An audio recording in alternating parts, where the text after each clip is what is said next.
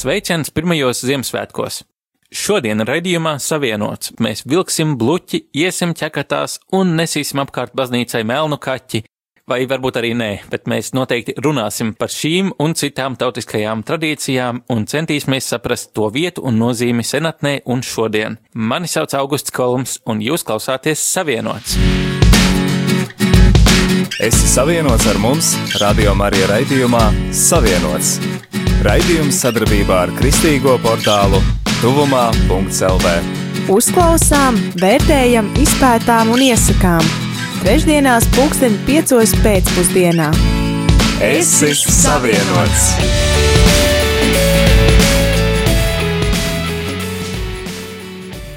Pirms iepazīstamies ar šodienas raidījuma viesi, noskaidrosim, kāpēc tiek piekoptas senās tradīcijas un kāpēc kristīgajā vidē tās bieži tiek noraidītas. Šo materiālu sagatavoja Līga Prikule. Šķiet, kāpēc cilvēki vēl joprojām piekopja latviskās tautiskās tradīcijas?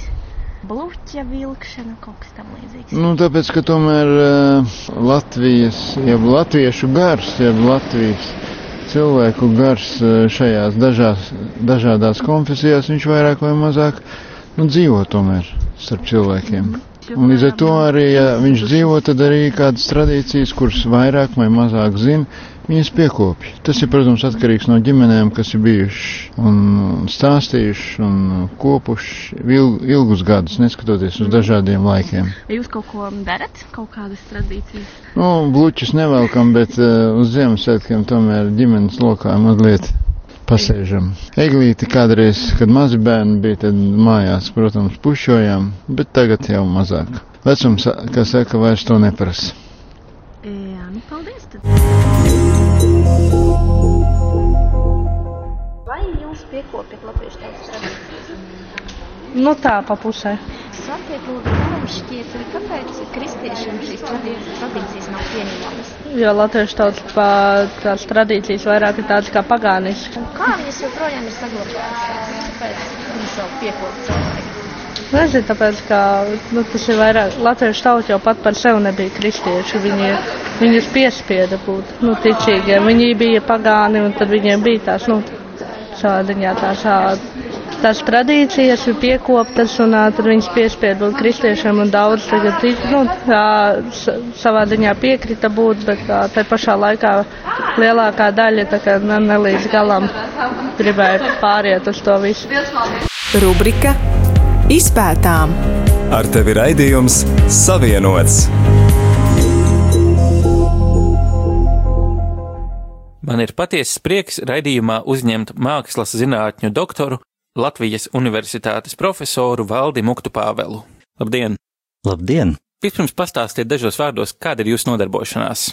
Es esmu Latvijas Universitātes profesors. Turklāt tā mana mākslas zinātņu specialitāte un tā joma arī paredz, ka es tajā virzienā darbojos universitātē ar studentiem un arī zinātnē. Nu, tātad ar studentiem tie ir dažādi kursi, ļoti daudz ir par mūziku, etnomūzikoloģija, mūzikas antropoloģija, dažādi kursi un arī zinātnē. Nu, tā tad šī joma ir tā, ar ko es pamatā darbojos. Nu, varbūt tāds pēdējais akcents ir bijis viena jau monogrāfija, gan latviski, gan angliski arī tika publicēta par tautas mūzikas instrumentiem Latvijā.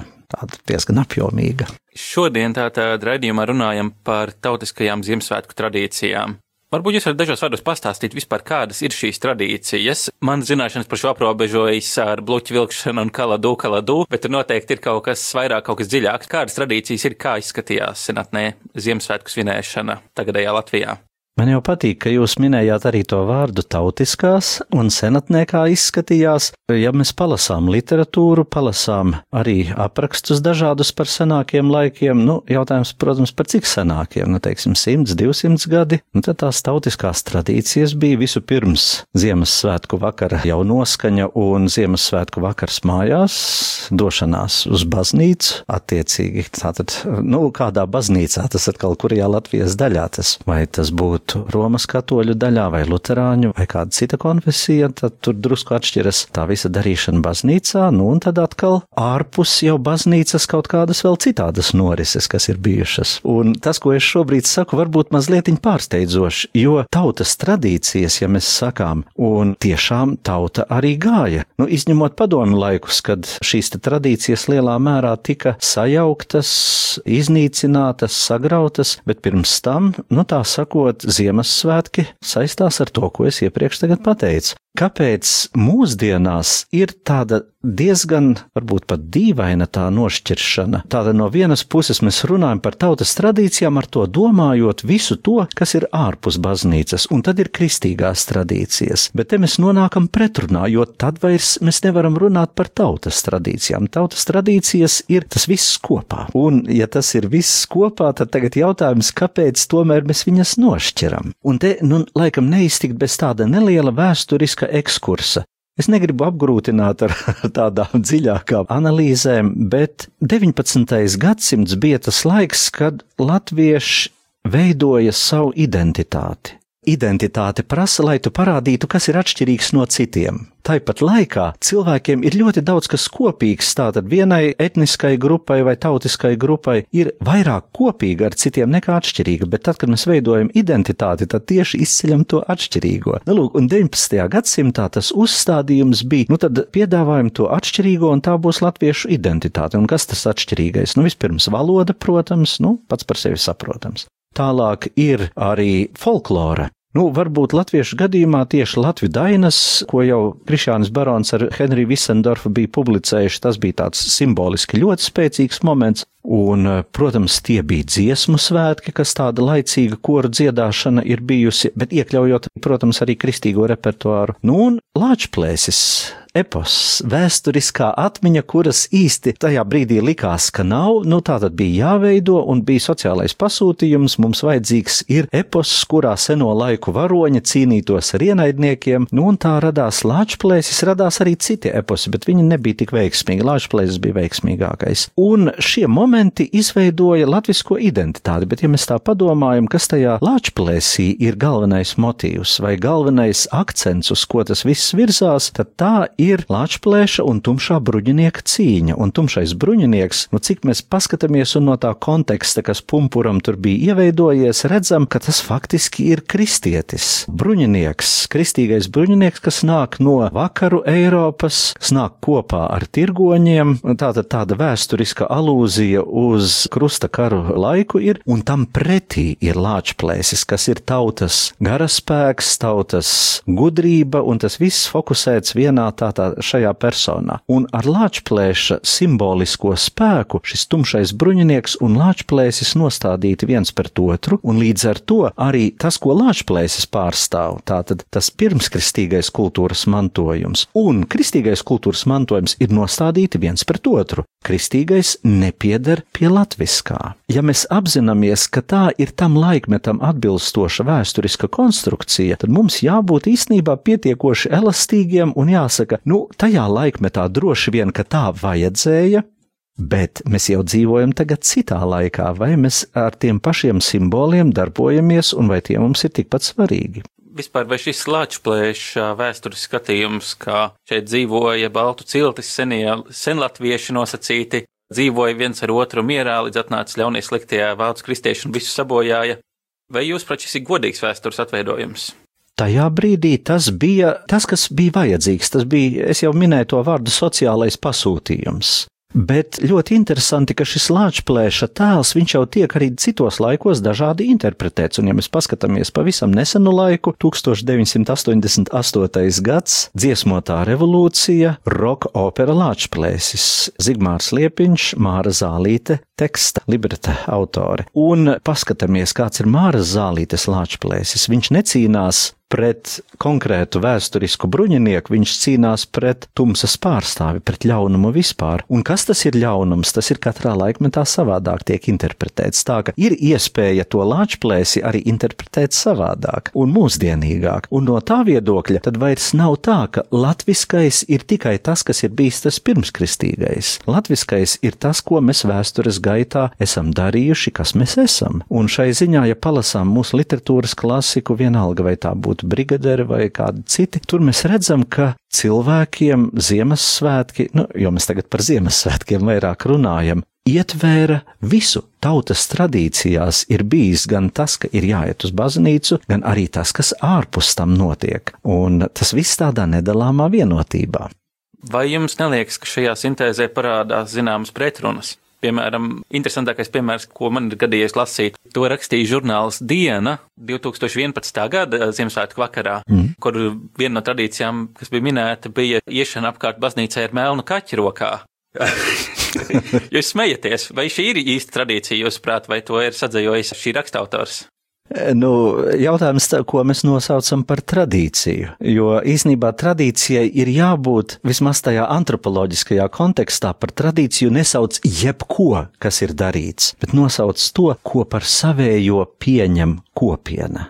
Un, ja ir kaut kāda lielāka kopiena, kas to iešana ar melnu kaķi pieņem, bet es par to neko nezinu, tad acīm redzot, tas tomēr ir viena kaut kāda cilvēka, es nezinu, fantāzija, un to saukt par tradīciju ir nu, diezgan nekorekti. Kādas būtu šīs senās tradīcijas no laika, kad kristētība bija tikko ienākusi? Man uzreiz jautājums, kā mēs varam zināt par pirmskristīgajām tradīcijām, jo nekādu dokumentu no tā laika mums nav. Un šeit jārunā vēl par tādu lietu, kā kristīgais un pirmskristīgais sinkrētisms. Kristīgā ticība jau nekad nav atnākusi tukšā vietā, kur nebūtu jau sava kultūras tradīcija bijusi kristīgai ticībai izplatoties, tā arvien ir miedarbojusies ar vietējām tradīcijām. Un tad jautājums, cik lielā mērā tās vietējās tradīcijas tiek pieņemtas, iekļautas kultūras praksē un kāda nozīme tām tiek piešķirta. Un lielākoties kristīgā ticība vismaz Romas katoļu baznīcas variantā ir ļoti, tā sakot, atvērta vietējām tradīcijām, tās pieņemot un tāpat laikā iekļaujot viņas arī kristīgā kontekstā. Šai ziņā man gribas pieminēt vienu ļoti svarīgu vietu evaņģēlijā. Vienā no evaņģēlijiem ir Jēzus teksts, kurā viņš saka: Es neesmu nācis bauslību nomainīt, bet to piepildīt. Un mazliet padomājot par šo tekstu, ko īsti Jēzus tur ir pateicis. Tātad, pirmkārt, bauslība tie nav tikai desmit baušļi. Bauslība ir faktiski vesela kultūras sistēma, kas pastāv, kur tie desmit baušļi ir pamatā, bet uz to desmit baušļu pamata ir izveidojusies noteikta sabiedriska prakse, sabiedriskas struktūras, ir noteikta kultūras prakse izveidojusies, kā tie baušļi tiek realizēti, kādi kontrolas mehānismi ir, kas notiek, var sakot, lai šī kultūra pastāvētu, un tur zināma ilglaicība arī jebkurā gadījumā ir, tā mēs varam runāt par tradīciju, tradīcija, kas jau pastāv pastāv. Un tagad nāk Jēzus, un viņš saka, es neesmu nācis bauslību nomainīt. Respektīvi, viņš nesaka, ka tagad lūdzu visu aizmēžam projām, tagad nāk mana mācība un veidojam jaunu kultūras tipu saskaņā ar šo mācību. Viņš saka, es esmu nācis to piepildīt. Un tā faktiski ir bijusi kristīgās baznīcas vēsturiskā prakse, kad šāda te vietējās kultūras piepildīšana, bet jau kristīgā tādā kontekstā ir notikusi ar vienu, un līdz ar to vietējās kultūras slāņi ir iekļauti arī kristīgajā pasaules skatā un kristīgajā tradīcijā. Jo tā kristietība visās zemēs, kur mēs apskatāmies, viņa ir atšķirīga. Pirmkārt, mums jau valodas atšķiras. Valodās arī, lai raksturotu sakrālos terminus, tiek izmantoti vietējo valodu vārdi. Ja mēs no tā viedokļa paskatāmies, kas latviešu valodā, tad mēs runājam par dievu. Dievs ir īstenībā senās pirmskristīgās noteikti tradīcijas vārds, ja mēs palūkojamies tie pētījumi, valodnieku pētījumi, nu kāda tad etimoloģija šim vārdam, nu tās pirmkārt ir mirdzošās dienas debesis, tie arī, ja mēs paskatāmies tajās tradīcijās, kur viņš vēl ir fiksēts šis te vārds, ar ko viņš ir saistīts. Latviešu tradīcijā par dievu runā, par dieva dēlu, dieva dēliem arī runā dainas, bet tas katrā gadījumā nav dievs kristīgajā izpratnē. Arī citās dzēvus, piemēram, tas pats vārds ir saistīts sengrieķu tradīcijā. Viņš ir radniecīgs latviešu vārdam dievs, bet kas ir Zeus grieķu tradīcijā, to mēs zinām, tas ir viens no sengrieķu panteona. Nu, un palūkojamies arī citās tradīcijās, mēs redzam, ka tā, tas konteksts ir cits, bet vienalga kristīgai ticībai nākot, tas vārds tika paņemts un piepildīts ar citu saturu. Tas ir Izrēļa dievs, tas ir, nu tātad tas dievs, kas jau atbilst kristīgajam pasaules skatījumam. Un tā tas ir noticis ar daudzām citām lietām.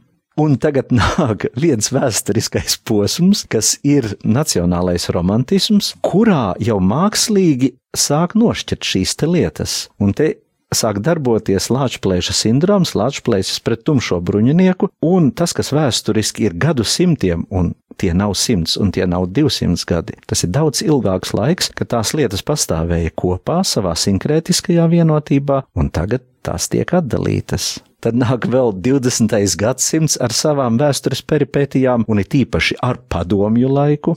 Padomju laikā Latvijas taču tika publicēts, un tam speciāli ilustrācijas tika taisītas, un tas ļoti atbilda padomju ideoloģijai. Jā, jā, jā, tumšais bruņinieks pārstāv kristietību, pārstāv rietumus, un tas mums ir nepieņemami, un Latvijas tas patiešām ir tautas Nebija jau Latvijas aizliegts padomu laikā, un, bet tieši otrādi skolās par to mācījās un tā tālāk. Bet mācījās tieši tajā romantiķu tā sakot iesāktajā tradīcijā, un tas pilnīgi atbilda padomu ideoloģijai. Tad kāpēc šobrīd jautājums ir turpināt šo te iesākto padomu laikā, to ideoloģiju?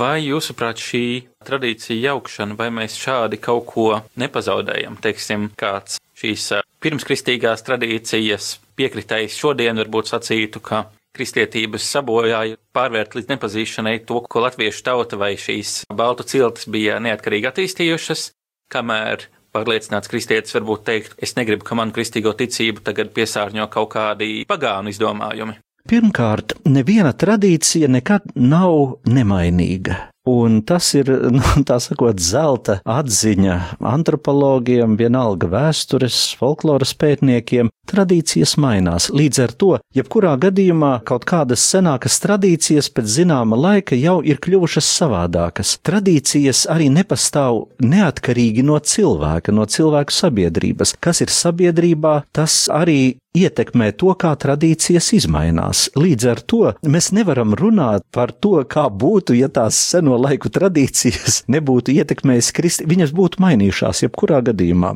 bet konkrēti saskarē ar kristietību viņas ieguva arī šo te kristīgo saturu, piepildījumu un jau pastāvēja tālāk kristīgā kontekstā. Es šeit visu laiku uzsveru to, ka Varbūt es šeit runāju vairāk kā zinātnieks. Ja mēs gribam redzēt tradīcijas, tad mums nav jādara, kas dažādu ideoloģiju dēļ tiek sadalīts, sašķirots pa plauktiņiem. Starp citu, Krišjānis Barons, piemēram, arī bija pilnīgi sava laika ideoloģijas varā, jo tad, kad viņš veidoja mm, savu klasifikāciju un Latviju dainas kārtoja savā dainu skapī, tad tas uzstādījums bija, nu tad filtrējam nost, kas ir atšķirīgs no kristīgā, un tad kristīgajām lietām tur viņam bija atsevišķi plauktiņi, kas diezgan nejauki bija arī nosaukti nosaukti. Piemēram, tur bija kristīgās tautas dziesmas, bet tās bija plauktiņā, ko viņš bija nosaucis kristīgi murgi par Mariju un viņas dēlu. Bet tā bija sava laika ideoloģija, tas bija sava laika uzstādījums. Un ja mēs skatāmies uz tradīciju, tad mums uz tradīciju vajag mēģināt attālināties no tādas tradīcijas dalīšanas pa gabaliņiem, bet apskatīt tradīciju, kāda tā ir.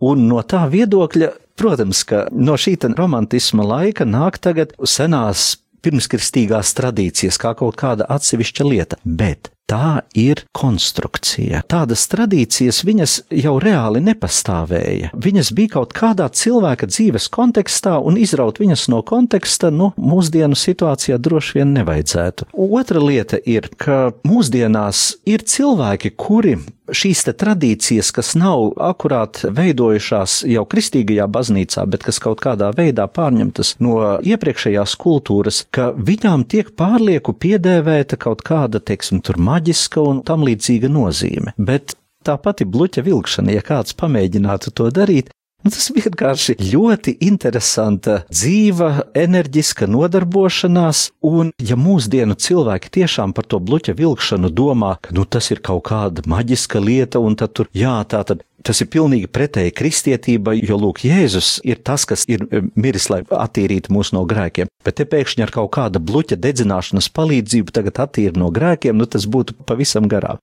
Bet tā domāt mūsdienu cilvēkam, man liekas, tā ir tumsonība, un tas ir kaut kāda, nu, es pat teiktu, neizglītotības pazīme, ka vispār iespējams tādā veidā domāt. Tad ko jūs liktu pretī tam par šādas prakses piekopšanu šodien? Es, nu, kā lai saka, es esmu darījis daudzas lietas, kuras man šķiet vienkārši cilvēciski, ļoti pieņemamas. Man patīk to darīt, tāpēc, ka tur ir kaut kāda norise, kaut kāda kopīga darbošanās, bet tas, kādu nozīmi es tam iedodu, tas jau manā galvā ir. Tikpat labi ir cilvēki, teiksim, domāt par kaut kādām maģijām un tā tālāk, tas arī ir cilvēka pasaules uzskatā un domāšanā, un tikpat labi kāds var ņemt tagad ar bībeli un ar bībeles palīdzību veikt maģiskas darbības. Nu, ko vai tas nozīmē, ka man kā kristietim tagad būtu bībeli jāmet projām, jo kāds viņu ir izmantojis savām maģiskajām darbībām? Tas būtu smieklīgi vienkārši. Viena cilvēka kaut kādu ļoti individuālu darbošanos tagad attiecināt uz to visu lietu kopumā. Tas būtu nesaprātīgi pat. Galu galā mūsdienu pasaule ir tik ļoti atšķirīga arī no viduslaiku, no seno laiku pasaules, un mums ir daudzas citas lietas, kas ir nopietnas, par kurām ir jādomā. Mūsdienās ir uzradušies daudzi dievi, kas ļoti grib nomainīt mūsu īsto patieso dievu. Mums ir materiālie dievi, kas vilināt, vilina ieslīgt kaut kādā materiālo lietu patērēšanā un nonākt viņu varā, un tās ir tās lielās problēmas. Ne jau tas, ka kāds cilvēks tagad ņems un vilgas Ziemassvētkos bluķi, nu, ne tā ir maģija, ne tas ir kas, tas ir vienkārši. Mēs, starp citu, tieši universitātē, humanitāro zinātņu fakultātē katru gadu studenti velk apkārt bluķi, un tad ļoti interesanti, ar kādām sajūtām viņi to dara. Viņiem ir prieks, viņiem ir, ne, nu, pirmkārt, tā ir kaut kāda saistība ar tradīciju, nu, un saistība ar tradīciju vienmēr cilvēku kaut kādā ziņā līdzsvaro. Un, ja mēs paintervētu viņus un paprasītu tieši kādas tās domas bija, vienkārši man patīk. Mēs kopā to visu esam darījuši, un es šaubos, vai kāds nu, tagad tur būs domājis, ka jā, tiešām es tagad vilkšu to bluķi un attīrīšu no grēkiem tur sevi. nu, vārds sakot, esam cilvēcīgi, esam vienkāršāki. Es gribētu šajā brīdī teikt tā. Neatkarīgajā rīta avīzē 2014. gada 18. decembrī publicēta saruna ar folkloristi Aīdu Rancāni. Vai jūs viņas vārds zināms varbūt? Pazīst personiski. Par bluķa vilkšanu viņa saka tā. Bluķa vilkšana ir viena no Ziemassvētku centrālajām tradīcijām ar savu simboliku un jēgu, un zinot to vai nezinot un vienkārši darot, daudz kas kļūst skaidrāks. Katros svētkos notiek pasaules atjaunošana, no haosa top kosmos, dabā pārmaiņas notiek nepārtraukti, savukārt tradicionālais cilvēks eksistēja rituālos, tas, ko viņš bija akceptējis caur rituālu, arī bija viņa realitāte. Rituāls nav tikai dialogs ar ārpasauli. Tikpat labi ar iekšpasauli, ar sevi pašu. Mēs gan aizsargājam savu sētu, gan attīrām to un jaunradām, bet tieši tas pats notiek arī katrā cilvēkā, kas šo rituālu veids jo rituāls ir veids, kā kontaktēties, sarunāties ar sakrālo. Savādākā veidā mēs pie tā netiekam. Vai jūs piekrītat šim skatījumam, ka rituāls ir šis veids, kā meklēt šo savienošanos ar sakrālo? Jā, ja rituālu mēs vispār pieminam kā vārdu un domājam par rituālu tādu universālu izpausmi un pielietojumu, tad, protams, ka caur rituālu cilvēks pietuvojas sakrālajam. Viena cita lieta ir gan, ka tātad šis te tekstiņš, ko es tagad dzirdēju, viņš lielā mērā ir balstīts jau izveidotā, nu tātad kopš romantiķu laikiem izveidotā sistēmā, kuras pamatā ir no kristīgā rituāla atdalītās lietas. Tātad šeit jau ir spēlēšanās tajā sadalītajā lauciņā, kur mans uzstādījums ir vai mans priekšlikums vai mana vēlme ir, ka mēs mēģinam tomēr atgriezties pie tās kopības, kas ir bijusi pirms tam, pie tradīcijas tādā plašākā nozīmē, pie tradīcijas, kurā līdzās Ziemassvētkiem kristīgajā baznīcā ir Ziemassvētki ģimenē, ir Ziemassvētki kopienā ar tām raksturīgajām norisēm, kas tur ir bijušas. Un, manuprāt, viņus grūti ir, ad... nē, nu, ir cilvēki, kas nu, viņus atdala. Bet mūsdienās man liekas, ka mēs varam atkal mēģināt nonākt pie tās kopības, kas ir tomēr bijusi. Un galu galā arī nav tādu vienotu Ziemassvētku tradīciju, ja mēs Latviju kopumā apskatāmies. Piemēram, es no savas pieredzes, un mana pieredze tātad veidojās Līvānos, kas ir Latgales pusē, un tad tie Ziemassvētki arī padomju laikos mums ģimenē bija ar galdu, kas tika apklāts ar sienu un baltu galdautu tālāk. Uz tā bija svētbilde, bija Jēzus, bija dievmaizītes, un tad tie īpašie ēdieni, kas tur bija, tur bija magones ar saldu pieniņu, tad tur bija vēl. Var sakot, tā tradīcija tur nebija sadalīts, tātad šīs te ir kaut kādas, teiksim, pirmskristīgās tradīcijas, un te ir kristīgās, tur bija viss kopā. Un tā bija tā reālā Ziemassvētku tradīcija, kuru es esmu piedzīvojis. Tad vienu brīdi nāca no kaimiņiem ķekatās arī cilvēki, un es ar viņiem kopā tur gāju. Tas viss piederēja pie vienas un tās pašas tradīcijas par iešanu ķekatās, kāds ir iemesls šai tradīcijai, ko cilvēki ar to mēģina sasniegt? Nu, pirmkārt, ierodas maskoti cilvēki. Man kā bērnam tas bija tāds ļoti emocionāls pārdzīvojums. Jā, tas ir kaut kas svētki tiešām ir. Tas ir nav ikdiena, tas ir kaut kas atšķirīgs no ikdienas. Un tad viņi aicināja tur kopā iet. Protams, ka es iešu kopā, jo nu, tas taču ir tik aizraujoši. Pirmkārt, pārģērbties līdz nepazīšanai, tā ka tavi kaimiņi vairs tevi nepazīst, tu dosies ar viņiem un tā tālāk. Tas, ka vēlāk tam ķekatām tiek ieliktas kaut kādā jau noteiktā, teiksim, ideoloģiskā sistēmā, tā ir cita lieta, bet tajā tīri cilvēciskajā līmenī tās ķekatas vienkārši ir šo svētku sastāvdaļa, turklāt tāda ļoti uzrunājoša, ļoti iesaistoša sastāvdaļa. Ķekatās cilvēki iet ne jau domādami, ka tagad mēs ar savu iešanu tur veicināsim tagad labību vai vēl kaut ko, kā reizēm grāmatās mēdz rakstīt, un ir cilvēki, kas to tekstu arī burtiski kā tādu ņem. Tās domas ķekatās ejot ir, oh, nu tas ir kaut kas, tas ir ļoti labi, nu šie Ziemassvētki ir, ko es tiešām atcerēšos arī citu gadu, un es labprāt arī citu gadu tāpat darītu. Dzirdot to, ko jūs sakāt, man nāk prātā tas, kas ir kādreiz dzirdēts, it īpaši no austrumu baznīcai piederīgajiem, bet ne tikai par to, ka dievkalpojumos bieži mēs vienkārši sēžam, jā, dažkārt pieceļamies vai nometamies ceļos vai ejam priekšā pie altāra, bet kopumā šis pārdzīvojums vai šis pieredzējums ir pavisam pasīvs. Mēs rietumos dažkārt aizmirstam šo piedalīšanās efektu mūsu reliģiskā praksē kamēr daudzās kultūrās ir bijušas šīs tradīcijas, visādi arī karnevāli vai tās ķekātas vai kas tam līdzīgs, kur cilvēkiem ir bijušas šīs iespējas aktīvi iesaistīties. Vai jūs piekrītat šai kritikai, vai mēs esam aizmirsuši par rituāliem vai tradīcijām, kas meklē piedzīvot dievu aktīvā iesaistē? Pilnīgi noteikti. Un šeit, lūk, nāk tas uzdevums, ka tā iesaistīšanās viņa vislabāk varētu darboties, ja izdotos iesaistīties tajā pirmatnējā veselumā. Man ļoti labs piemērs ir no šogad pavasarī, tieši pirms lieldienām, iznāca būt Galisijā, Santiago de Compostela un redzēt visus tos dažādos līmeņus, kā vietējā sabiedrība iesaistījās lieldienu sagaidīšanā. Pirmkārt, tāda tā bija palmu svētdiena ar tie palmu zariņi, kas tika veidoti no lauru lapām, kadiķiem, tur vēl no visādiem vietējiem kokiem. Tālāk tie bija, nu labi, tie tirdziņi un tā komercija, kas ap to tas arī pieder pie lietas. Bet tad bija šie te gājieni, kur dažādos tērpos saģērbušies, tur bija gan romieši, tur bija arī ar tādu tādām garām grēku nožēlnieku kapucēm uz galvas, kas daudziem cilvēkiem ar kukluks kladu saistās, bet tur vienkārši tā pati tradīcija bija aizceļojusi uz Ameriku un drusku pārmainījusies. Nu jau, un tā ģērbušies cilvēki tad tālāk Jēzus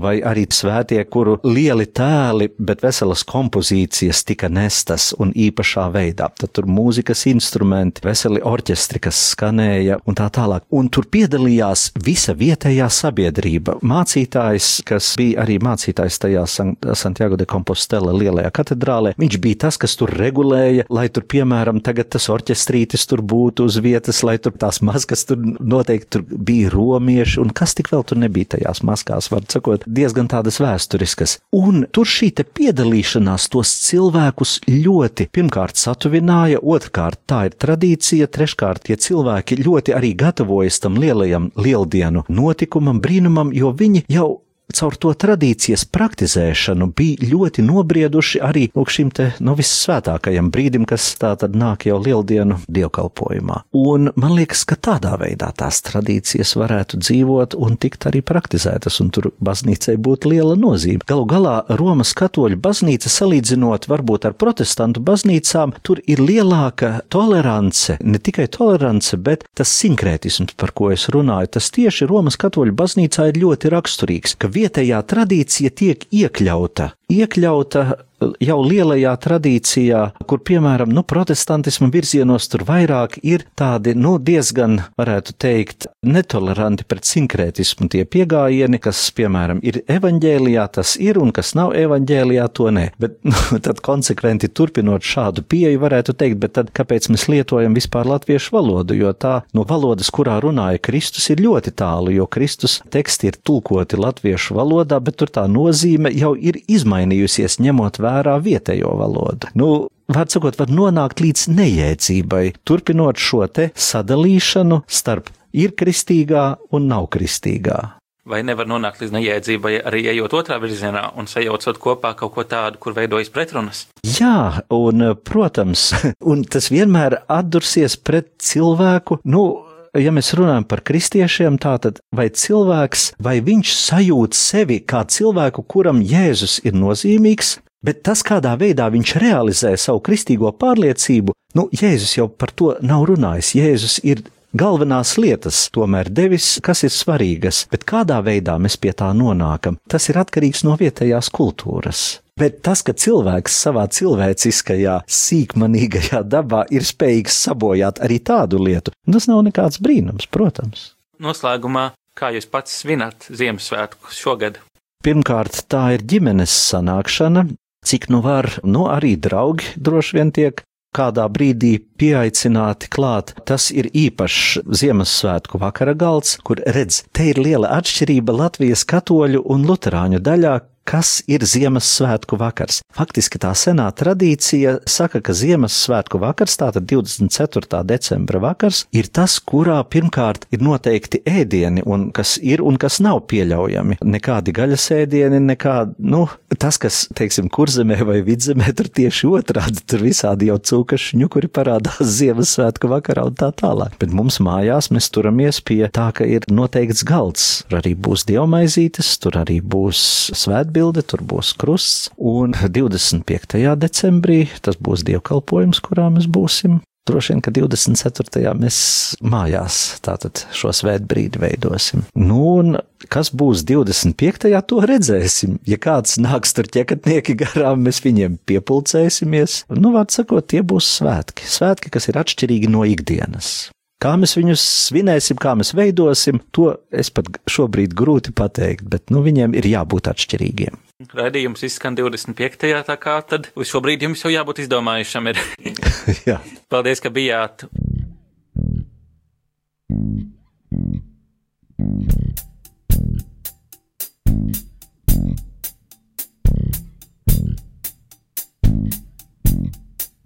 Kur tu skrisi turu päällä kalatu, kalatu, pirti peju sirnju sakti kalatu.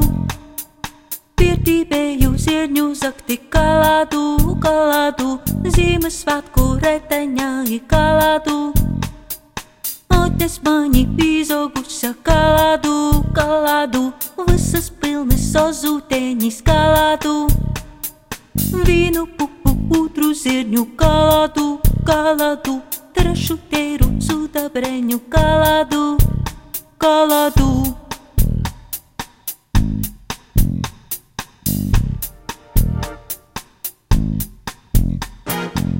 Kalatu, kalatu. Kaķīti vīna sagiva kalatu, kalatu, asībagu aleņai kalatu.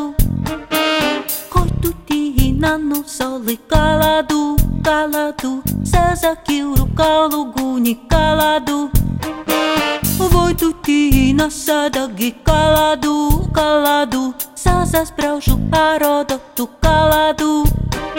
Voitu tīna sopēja kaladu, kaladu, sasasīšu vecus vistu kaladu, kaladu.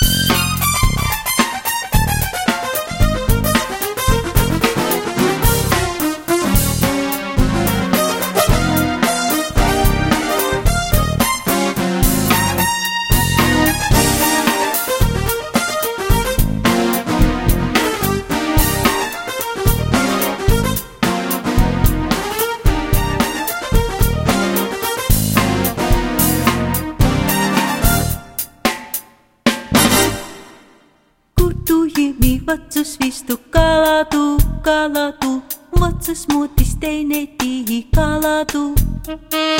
kurte ja navad samuti kaladu, kaladu, rõõbus kuuvis puppen jäi kaladu. kurte ja naraiba kuusi kaladu, kaladu, saalis suulis rassenja kaladu, kaladu.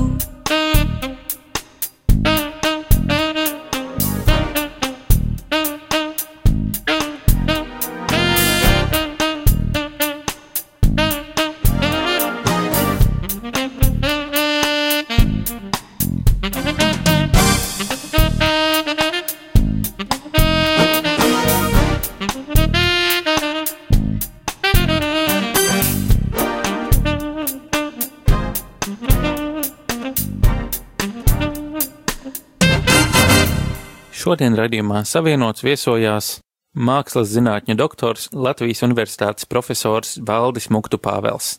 Ja jums ir kādas pārdomas par šodien dzirdēto vai idejas raidījumiem, kādas tēmas, ko būtu vērtīgi pārunāt, vai viesi, kurus uzklausīt, rakstiet uz savienots at tuvumā LV vai Twitterī at savienots vai man personīgi at kolums.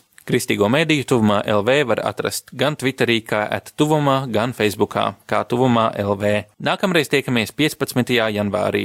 Atgādinu, ka arhīva raidījumus var klausīties arī podkāstu platformā Apple Podcasts. Mēs tos publicējam apmēram nedēļu pēc to izskanēšanas radio. Novēlu svētīgus Ziemassvētkus! Es esmu Augusts Kolbs, šis bija raidījums Savienots un uz tikšanos nākamgad!